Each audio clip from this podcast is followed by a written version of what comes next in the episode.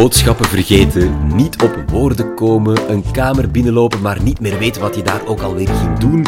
Het overkomt de beste wel eens. Maar vooral zwangere vrouwen lijken last te hebben van vergeetachtigheid.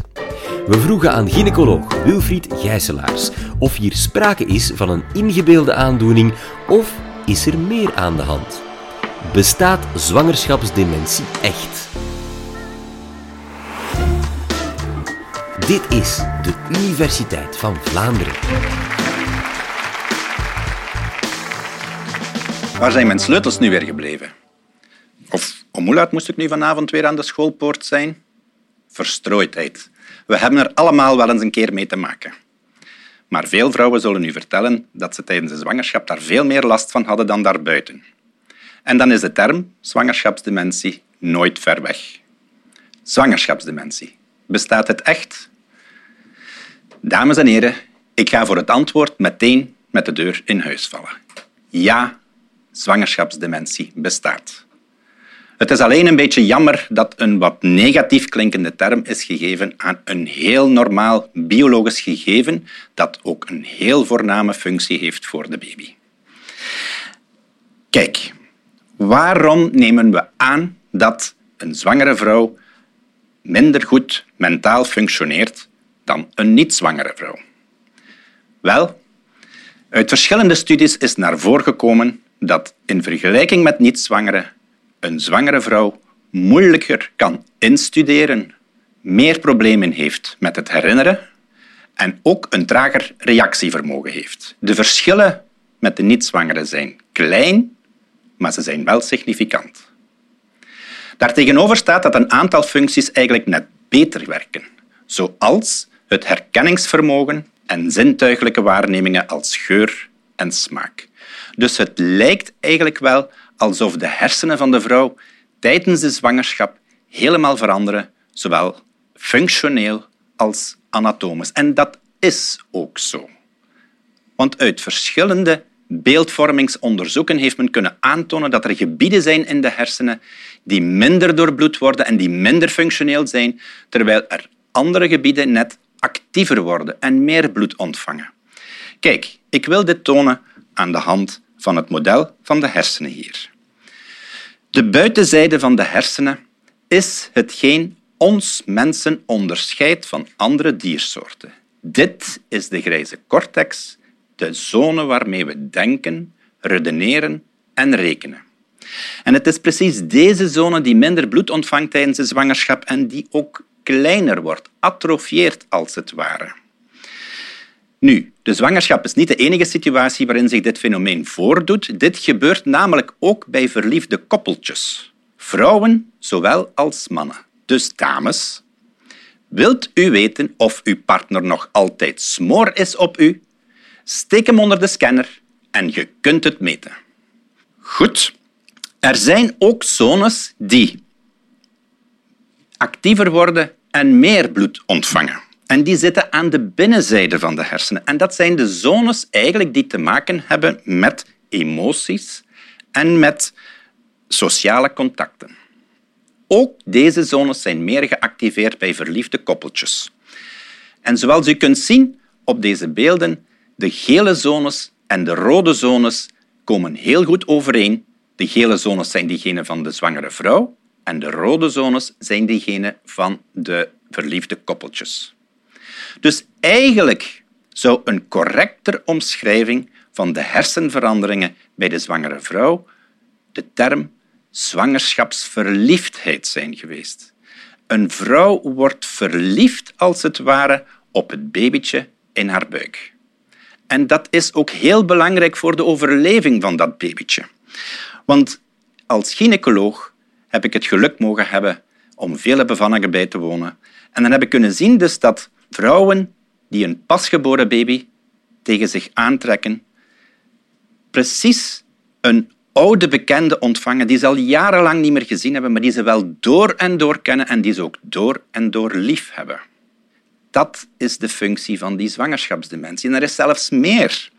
Als we naar die zones van geel en rood kijken in de hersenen, dan zien we dus dat er meer gele zones zijn en dat die actiever en intenser geactiveerd zijn in vergelijking met de verliefde koppeltjes. Eigenlijk is die zwangerschapsverliefdheid een basis van wat later moederliefde gaat zijn. Oersterke en levenslange moederliefde van fundamenteel belang voor de overlevingskansen van het kind. Dat is dus de werkelijke functie van die zwangerschapsdementie. Gaat zwangerschapsdementie voorbij? Ja. Ongeveer een zestal maand na de geboorte zullen de hersenen van de vrouw precies in dezelfde toestand en doorbloedingsstadium zijn als voor de zwangerschap. En er blijven in principe ook geen restletsels achter, behalve bij personen met een zekere voorbeschiktheid. En die voorbeschiktheid zit eigenlijk precies in de bloedvaten. En nu komen we op het domein waar ik ongeveer zo'n vijftiental jaar nu onderzoek op doe. De bloedvaten van de zwangere vrouw. Kijk, ons bloedvatenstelsel is gemaakt om hart en hersenen als de twee belangrijke coördinerende organen in ons lichaam steeds van het meest zuurstofrijke en het meest energierijke bloed te voorzien.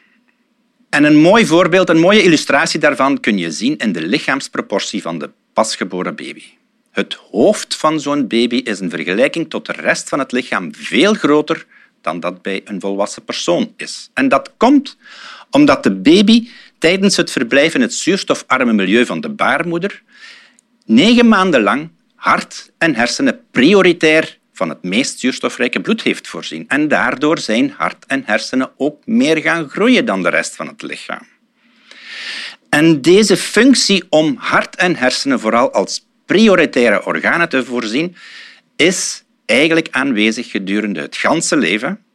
En er is slechts één periode van uitzondering, en dat is de zwangerschap. Want in de zwangerschap komt daar net een derde orgaan bij, de baarmoeder.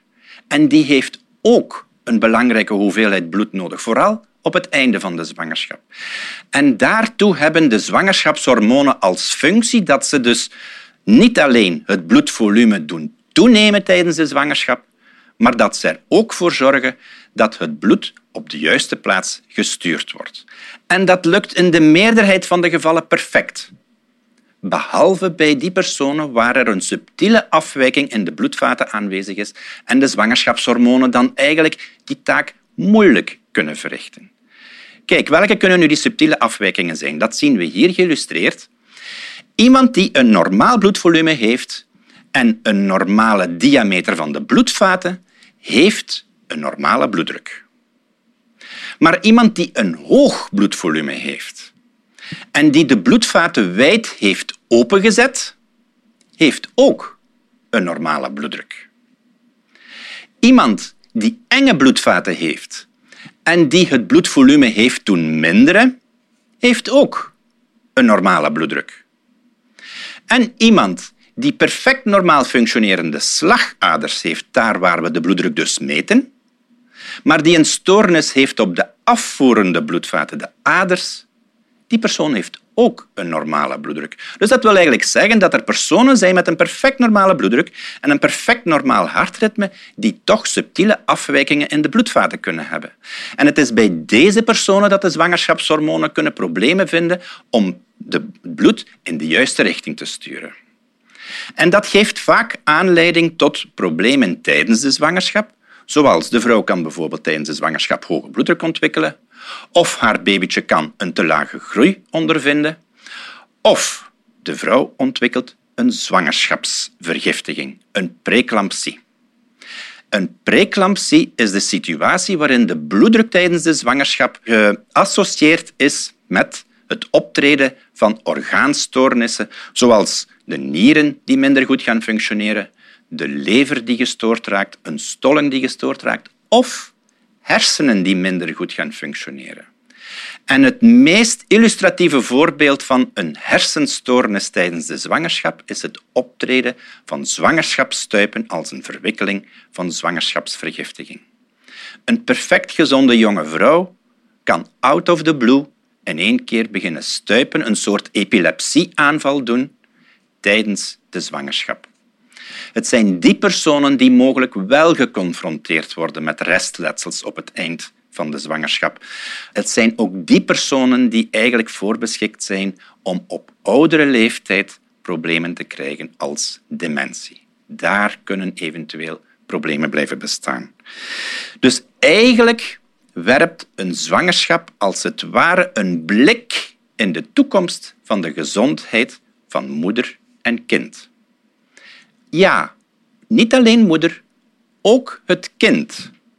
Want een kind dat een baby, een foetus, die in de baarmoeder geconfronteerd wordt met de situatie van minder doorbloeding van de baarmoeder door een bloedvatstoornis bij de mama, die baby gaat ook weer in de baarmoeder nog meer dan normaal het hart en de hersenen van bloed voorzien. Deze baby gaat als het ware de bloedvaten drillen om hart en hersenen steeds als de primaire organen te zien. En dat kan perfect werken als dat kind dan geboren wordt in een gezonde toestand, opgroeit als kind in een gezonde toestand en dan, wanneer het een meisje is, zwanger wordt en in de zwangerschap kunnen dan de problemen aan de oppervlakte komen waarbij het lichaam niet in staat is om de baarmoeder van bloed te voorzien zoals het normaal hoort te zijn. En dus de nieuwe baby gaat op zijn beurt ook weer geconfronteerd worden met het probleem van minder doorbloeding van de baarmoeder, waardoor de ziekte zich eigenlijk over de generaties heen herhaalt en herhaalt. En deze intrauterine programmering van ziekte is nu net het aangrijpingspunt waarop we therapeuten zouden kunnen gaan ingrijpen om het probleem van overdracht van ziekte over de generaties te behandelen.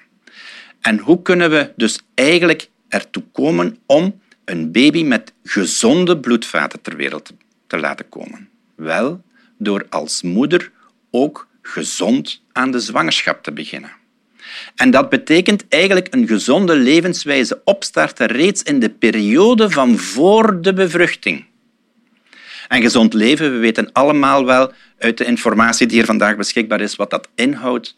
Zo weinig mogelijk vetrijke voeding eten, veel groente, veel fruit, veel lichaamsbeweging, niet roken, zo weinig mogelijk alcohol drinken.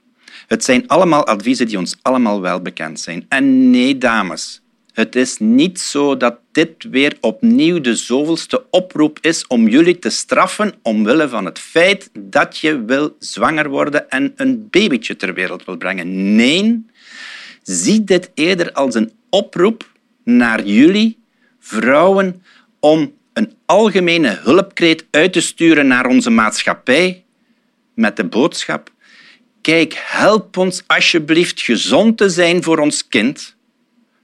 Steun ons, jong en oud, dik en dun, om ons te helpen onze bloedvaten gezond te houden en met ons mee te doen, want wat gezond is voor mijn baby en voor mij, is ook gezond voor jullie.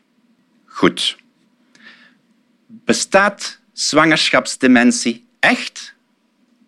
Het antwoord is dus ja, maar het is eigenlijk een wat negatieve omschrijving van een biologisch fenomeen dat veel beter zou omschreven geweest zijn als zijnde zwangerschapsverliefdheid. Er blijven geen restletsels bestaan, tenzij bij uitzondering van voorbeschikte personen.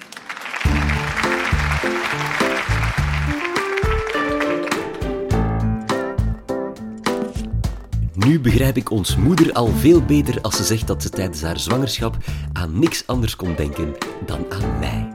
Als je ook een vraag hebt waarop je absoluut een wetenschappelijk antwoord wil, stuur ze naar info.universiteitvanvlaanderen.be en wij gaan op zoek naar wat de wetenschap zegt. Graag tot een volgende keer.